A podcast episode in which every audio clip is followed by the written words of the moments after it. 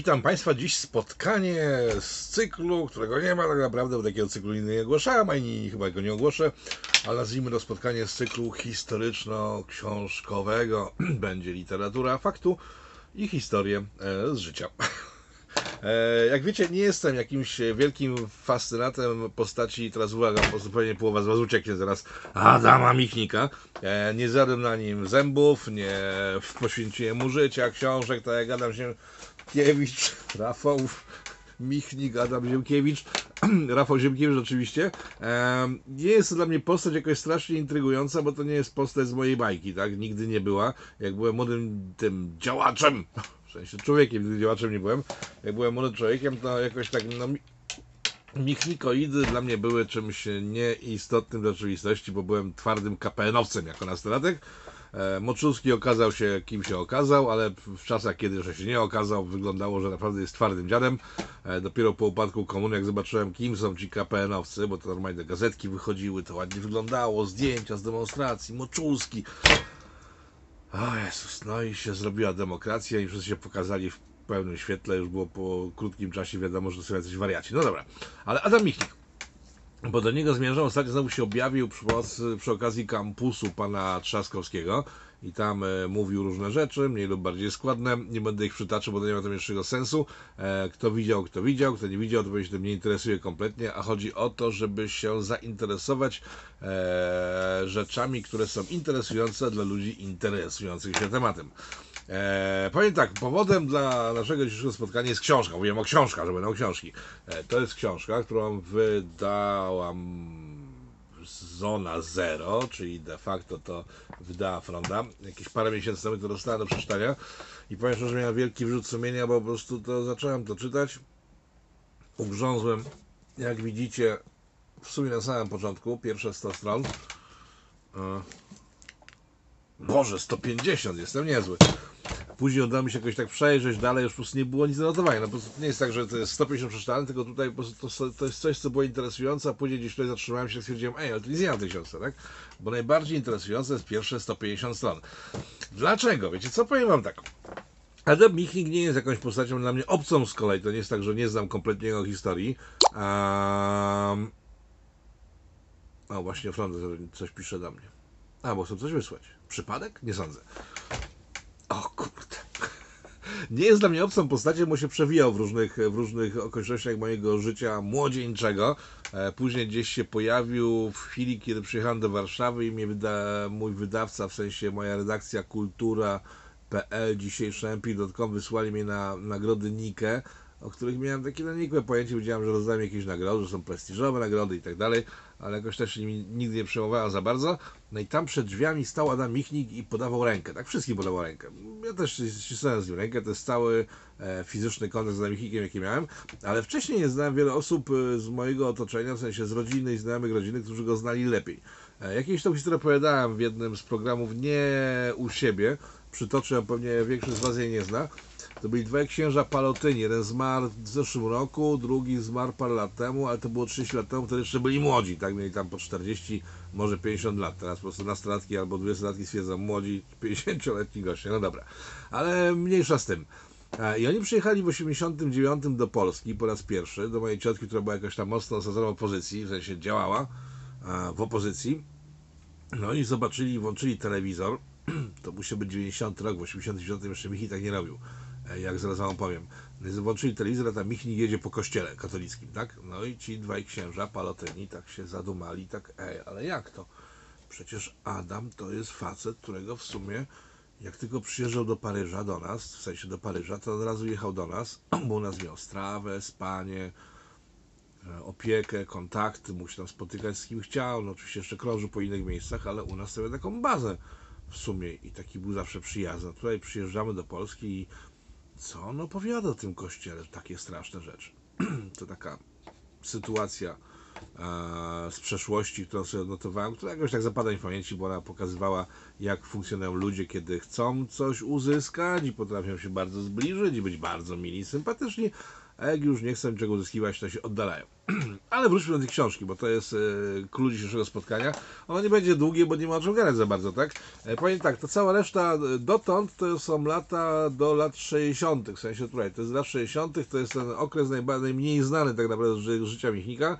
No później wiadomo, ten, lata 70. też jakoś zniknął z widnokręgu, ale 80. już był na pełnej pompie, no i to jest ta reszta. Książkę napisał Roman Graczyk. Roman Graczyk to jest był dziennikarz wyborczy, który część z Was pewnie się teraz rzuci, a dziennikarz wyborczy. Dziennikarz wyborczy, który nie odszedł. Jego wyrzucono z wyborczej tam 15-20 lat temu, kiedy na jakimś spotkaniu firmowym, w sensie jakaś tam przekąska, była zakąska, palenie papierosów, picie alkoholu i on tam wyskoczył do Blumensteina, czy Blumensteina, czy jak on tam się nazywa, taki, no nie, Blumenstein, Blumenstein to mój znajomy Żyd z Łodzi. No nie wiecie o kogo chodzi. Taki przyjaciel Michnika, też tam sami Żydzi się okazuje byli. Zresztą z tej książki to wynika, zaraz, za- zaraz o tym powiem. Pan Graczyk został wyrzucony z wyborczej na zbity pysk za to, że, że zasugerował, że lustracja w Polsce jednak by się bardzo przydała. To były zamierzchłe czasy, kiedy jeszcze mów- myślał poważnie o lustracji, tak? No więc powiedział panu Blumsteinowi, temu takiemu niskiemu, co on tam Erdoli i nie rodzi. Kojarzycie? Jak nie, to sobie poszukajcie. Erdole nie rodzę, w Blumenthal, Blumstal, jakoś tak. E, I wyskoczył wam ten facet. Że lustrację warto by zrobić jednak. I zanim skończył to zdanie, to mimo, że naprawdę był jeden z człowiek z dziennikarzy Gazety Wyborczej, wyleciał z roboty. I on napisał tą książkę. Napisał w międzyczasie jeszcze parę fajnych książek, takich ilustracyjnych właśnie, o Tygodniku Powszechnym, o Klubie Katolickiej Inteligencji, zwanym też Klubem Inteligencji Katolickiej. E, Polecam je, bo to jest bardzo rzetelny facet. I tu, mimo, że jest poniekąd można by go nazwać michnikoidem, ta książka jest rzetelna dość, opisuje e, realne sytuacje, aczkolwiek też nie do końca o czym za chwilę, a ta chwila właśnie w tej chwili następuje. E, Ileś tam lat temu, w, pamiętacie, pewnie w, wyszła taka książka e, Sąsiedzi Grossa, Groza. Później wypuścił jeszcze inną książkę. Odpowiedzią na tą książkę była e, książka historyka polskiego, który mieszka w Stanach, pana Chodakiewicza, e, po zagładzie, w której on opisywał e, stosunki polsko-żydowskie po wojnie.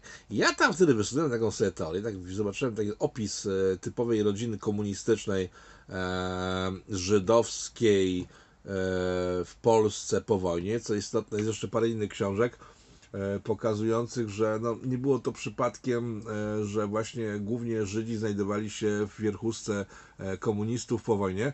Teraz nie pamiętam nazwiska, sam pamięć do nazwisk. To jest taki historyk e, hinduski z kolei, pewnie już wiecie o kogo chodzi.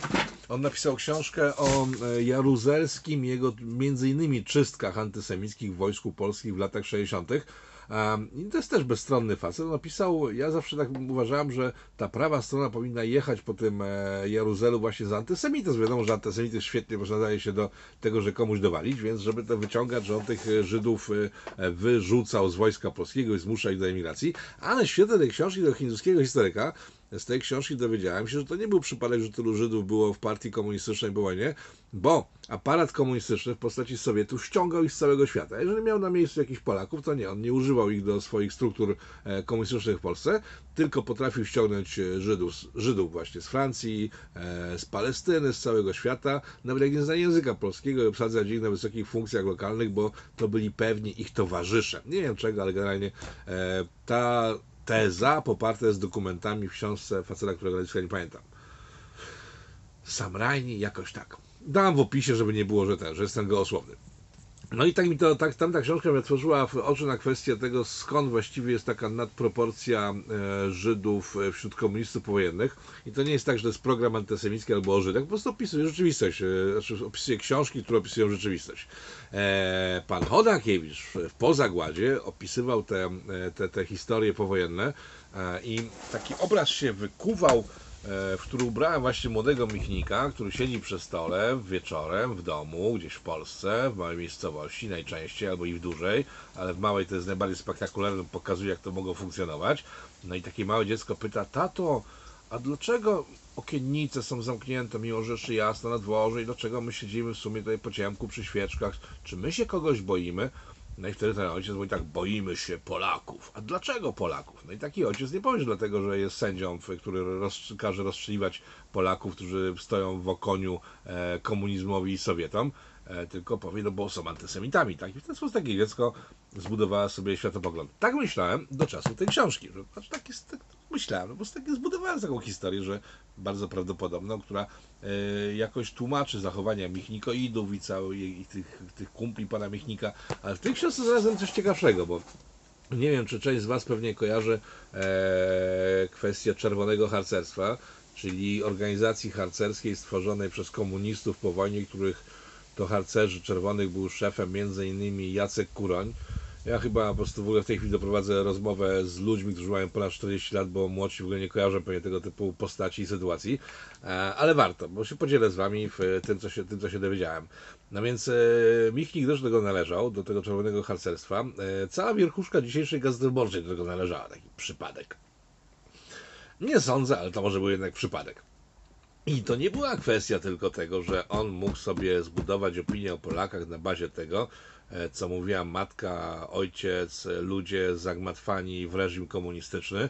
E, Człowiek, który miał brata, który skazywał na śmierć e, patriotów e, polskich, bo bo nie byli patriotami sowieckimi. Także to nie jest już tylko kwestia domu, tylko ten pan, ten Adam, pan tutaj ze zdjęcia na okładce, kiedy był w czerwonym harcerstwie, potrafił jeździć, w sensie nie potrafił, tylko jeździł z tymi harcerzami czerwonymi, z parwianckim kuroniem e, po wsiach polskich i jeździli sobie na furmankach albo furgonetkach i rolnikom miejscowym polskim śpiewali pieśni. Bardzo okej, tak, bo ktoś pracuje w polu, to pieśń to jest fajna rzecz, tak, bo coś wesoło się robi, na duszy lepiej, bo tak orze, sieje, kosze i tak piosenka leci, więc leci mi, leci mi lepiej. Tylko, że oni śpiewali te piosenki tylko widzisz i po rosyjsku. Rozumiesz, taka ekipa młodych ludzi, która jeździła po wsiach i wpieniała rolników, chłopów i później się dziwiła, że ktoś za nim rzucał kamieniami, tak? Tu okupacja jedna się skończyła, druga przyszła, sowiecka, ludzie chcą żyć spokojnie, chcą, nie chcą słyszeć tego języka w ogóle, a tu przyjeżdża młody pan Michnik i sobie po prostu śpiewa z kolegami ruskie czastuszki rolnikom i się dziwi, że oni się denerwują. No dobra, ale to też nie jest jakaś sensacyjna informacja, bo ta, e, ta, ta książka w sumie wielu ich nie zawiera, to są takie, znaczy nawet, nawet chyba w ogóle nie zawiera tak naprawdę, choć zaraz e, sami ocenicie, czy dalsza informacja może brzmieć sensacyjnie. Jak dla mnie jednak nieco tak, ale to o tym za chwilę. Także to jest Adam Michnik, który ma tam 15 lat, 10-12 i dochodzimy do sedna sprawy, czyli do okresu jego, uwaga, licealnego. I teraz znowu chyba mówię do niewielkiej grupy ludzi, którzy kojarzą po prostu, co się działo w tamtych czasach. Niekoniecznie jesteście młodzi lub starzy, po prostu kojarzycie to. No więc pan Michnik, będąc w liceum, e, zaczął działać e, politycznie. Ktoś powie opozycyjnie. Mm, No nie, aczkolwiek troszeczkę, tak, aczkolwiek nie do końca, zaraz to wytłumaczę. No więc on w związku z tym, że pochodził z dobrze sytuowanego domu komunistów, bo w komunie komuniści zawsze są dobrze sytuowani, to jest taki stary dowcip, że w- klasa robotnicza pije szampana ustami swoich e, przedstawicieli w postaci rodziców. No więc on w takim domu się wychowywał, miał dobrze, bogato było, e, był, chodził do szkoły, dla, w której były tylko i wyłącznie tego typu, tego typu dzieciaki. No i w tej szkole zaczął działać politycznie. W związku z tym, że młodzież to na ogół się buntuje przeciw rodzicom, to on też się zbuntował, ale każdy, kto e, słucha propagandy medialnej ostatnich 30 lat, e, i nie wychwycił do tej pory tego, to może mu się zdawać, że ten pan Michnik zawsze był opozycjonistem jakimś antykomunistycznym. No i poniekąd jest to prawda, tylko on był antykomunistyczny, jeszcze bardziej, tak? W sensie, jak normalni ludzie nie lubią komunizmu, nie lubią jak ktoś kradnie im pieniądze, zabiera coś z domu, e, każe żyć w jakiś określony sposób, który mu się nie podoba, e, to pan Michnik uważał, że to, jest, to, jest, to nie jest dobre, bo to jest zbyt liberalne e, że komunizm jest jako taki sam zbyt liberalny i on oczekiwał od nastolatkowego swojego życia, w sensie od czasu tego nastolatkowego życia, że komunizm stanie się bardziej radykalny, po prostu mówiąc wprost był trockistą, czyli takim zamordystą już w cholerę, przy którym Adam Zandberg to w ogóle nie wiem, no, Gandhi to może nie, ale taki drobny złodziejaszek, tak? On w tym liceum stworzył sobie, to są oczywiście jakby k- k- koła krzywego koła, jakieś tak dalej, to znaczy kluby krzywego koła, to wszyscy różne historie znają. E, I co ciekawe, jak on zaczął w liceum tworzyć te właśnie kluby dyskusyjne, gdzie rozmawiano o tym, czy partia komunistyczna nie jest czasem zbyt mało radykalna, to e, to, to nie była jakaś straszna chyba opozycja do komunistów, bo z tej książki wynika e, i z wielu innych jeszcze źródeł, że komuniści sponsorowali to jego spotkania, dawali mu salę, przyzwolenie i tak dalej, i tak dalej, i tak dalej. I generalnie żył jak pączek w maśle, bo tak, od starych miał hajs na życie, od komunistów miał dostęp do wielu znamienitych osobistości oraz przyzwolenie na działania polityczne, trockistowskie, czyli jeszcze bardziej radykalnie niż komuniści e, je wprowadzali w życie. No i tak sobie funkcjonował, aż w końcu kogoś tam zdenerwował w, klasie maturalnej, co istotne, i w klasie maturalnej zły komunistyczny system jak to jest w oficjalnej biografii, w oficjalnych opisach życia pana Michnika i ten zły komunistyczny system wreszcie zrozumiał, że on jest wielkim jego wrogiem i zabrał mu hajs na te spotkania, zabrał możliwość spotkań, bo zabronił wypożyczać panu Michikowi wszelkie możliwe miejsca na spotkania i wtedy to właśnie pan Adam Michnik po raz pierwszy stał się opozycjonistą, bo komuniści strasznie go zaczęli prześladować. Mm, w sensie zabierając hajs i to wszystko, co się wydarzyło tak naprawdę.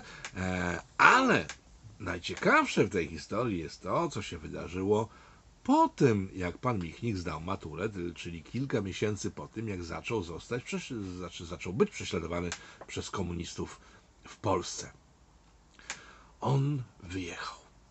Wyjechał z kraju. Wyjechał z Polski. Mm. No i teraz znowu osoby, które znają realia tamtej rzeczywistości, mówią tak, ale jak to wyjechał? Przecież tam nie można było wyjechać. Że wyjechać to można było tylko na stałe uciec, ewentualnie e, mieć umocowania w partii, dostać e, paszport, ewentualnie, nie wiem, e, mieć rodzinę za granicą i mieć przyzwolenie na imigrację, na emigrację, tak?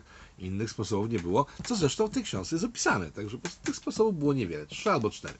Więc jak Adam Michnik wyjechał, nie był żadn, żadnej tych grup, czyli nie miał tam rodziny na zachodzie, nie wyjechał na stałe, bo później wrócił. E, no to przyjrzyjmy się, co właściwie na tym, robił na tym wyjeździe. Pierwsze wakacje młodego człowieka po maturze w Polsce w latach komunizmu, tak? On sobie po prostu wsiada w pociąg i jedzie. E, jedzie sobie do Niemiec, ale nie NRD, co jest następnym niezłym mykiem, bo żeby wyjechać na zachód tak zwany, to naprawdę już trzeba być w Polsce grube plecy. A tymczasem prześladowany przez komunistów pan Michnik wsiada sobie do pociągu i jedzie na zachód. Tak w ogóle tak z prostej, nie? Wsiadł, pojechał. Na miejscu na tym zachodzie, i to jest opisane w tej książce, bo za chwilę powiem, co nie jest opisane, ale najpierw opiszę to, co jest zapisane. E, Na miejscu na tym zachodzie w Niemczech idzie sobie z buta na przykład do Radia Wolna Europa. I tam spotyka się z Nowakiem Jeziorańskim, z całą wierchuszką Wolnej Europy. Wolna Europa, pan Jeziorański stwierdza, Boże jedyny, jaki światły młody człowiek. Weźmy go do auta, wieźmy go po mieście. To są te rzeczy napisane w tej książce. Ehm, później sobie gdzieś nocuje, co tu nie jest powiedziane, a ja wiem, gdzie on nocował w czasie całej swojej eskapady po zachodzie Europy, bo był nie tylko w Niemczech, ale był też i w Paryżu, był we Francji, e, spotykał tam się z Brzezińskim, z Giedroyczem, właśnie z, z Nowakiem Zielańskim, z całą wierchuszką takiej anty, antykomunistycznej inteligencji e, pozapaństwowej, która była sekowana przez komunistów w Polsce strasznie. Za posiadanie kultury paryskiej, wydawane przez pana Giedroycza, można było w tamtym czasie siedzieć. Za posiadanie takiej kultury. Kultura paryska, poczekajcie, pokażę jak to wyglądało.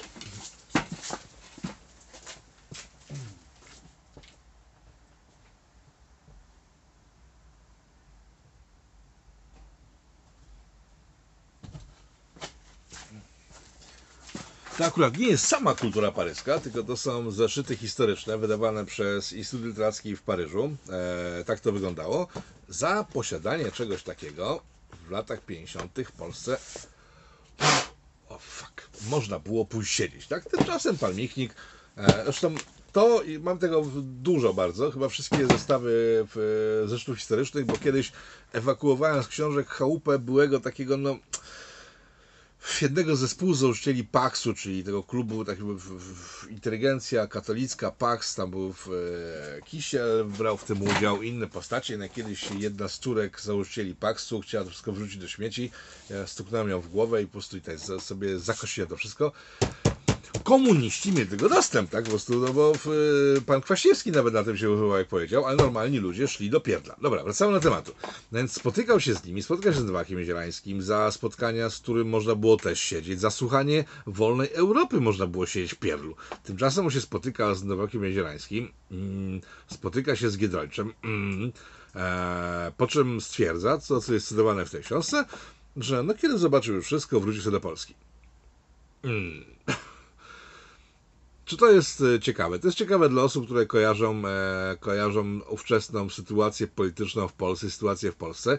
No, nie można było tak bardzo wrócić do Polski, po prostu wrócić do Polski, tak pan Michnik wrócił. E, I jeżeli do tego dodam, że to nie jest w tej książce opisane, nie wiem dlaczego, bo to tak wydawałoby się, że ta książka jest taka do końca uczciwa, ale jednak nie do końca nie jest, bo autor musiał o tym wiedzieć, gdzie Adam Michnik po tym, jak wyjechał z Polski, z której nie mógł wyjechać i pojechał w miejsca, gdzie spotykał się z ludźmi, z którymi nie mógł się spotykać, e, nocował, bo to jest kluczowe chyba w tym wszystkim. Wyobraźcie sobie, że on nocował w polskich ambasadach perelowskich. Tak, ten sam Adam Michnik, który prześladowany przez komunistów jeszcze w liceum stracił możliwość działań politycznych kilka miesięcy po tym, jak był prześladowany przez komunistów, pojechał sobie z paszportem komunistycznym na kapitalistyczny Zachód, sypiał w komunistycznych ambasadach i spotykał się e, z kapitalistyczną opozycją, umownie kapitalistyczną. No i w tym momencie ta książka się kończy tak naprawdę, bo reszty już nie trzeba sobie dopowiadać, bo niestety wygląda mi na to, a to jest książka dziennikarza wyborczej, byłego, ale jednak dziennikarza wyborczej i bardzo uczciwie, intelektualnie prowadzona konstrukcja. Po tych pierwszych 160 stronach to chyba nie ma się już wątpliwości, kim był Adam Michnik i skąd się wziął i dlaczego tak łatwo później mu szło przez te pozostałe Boże jedyny 500 parę stron. Aż do czasu, kiedy przesadził, kiedy to a, pan Lew Rewim przyszedł do niego i mieli dograć kontrakt, który sobie był wcześniej ustalony, no ale ktoś padł na pomysł, że trzeba Rewina ożydzić. I wtedy niestety pan Adam Michnik przegiął pałę chyba wśród swoich współtowarzyszy wyznaniowych i zaczął się jego koniec, który trwa bez końca, bo ciągle się gdzieś pojawia. Ale jako postać taka polityczna o dużym znaczeniu nie ma żadnego znaczenia od 20 lat. Dlatego być może ta książka się bardzo źle sprzedaje. Co wydawca twierdzi, że w ogóle nie, nie jest w stanie opisać, jak się sprzedaje, ale myślę, że dlatego tak jest cicho o tej książce, bo pan Adam Michnik już nie jest żadną postacią, która w jakiś sposób kreuje rzeczywistość. I w sumie fakt, że poświęciłem mu 22 minuty i 11 sekund mojego życia jest z mojej strony jakimś brakiem szacunku do uciekającego czasu. Także kończę. Taka historia, jeżeli kogoś zainteresowała, to bardzo się cieszę. Jeżeli nie, to wcale się nie dziwię. Bo to takie no, fragmenty z życia politycznego Polski ostatnich 50 lat. Z tym, że w tym przypadku takie fragmenty, które pokazują, a, czemu nie było w Polsce lustracji, czemu się dogadano z komunistami i czemu to wszystko wyglądało tak, jak wyglądało a teraz już jest za późno, żeby cokolwiek z tym zrobić. Boże, to jest mój najdłuższy felieton dla życia w stolicy ever, z tego co widzę. Pozdrawiam Was wszystkich i do zobaczenia wkrótce, mam nadzieję. Rafał Utoka Frąckiewicz, polityko.tv specjalnie dla życia stolicy. Teraz muszę zapalić, po 20 minut, sorry. E, na razie, pa.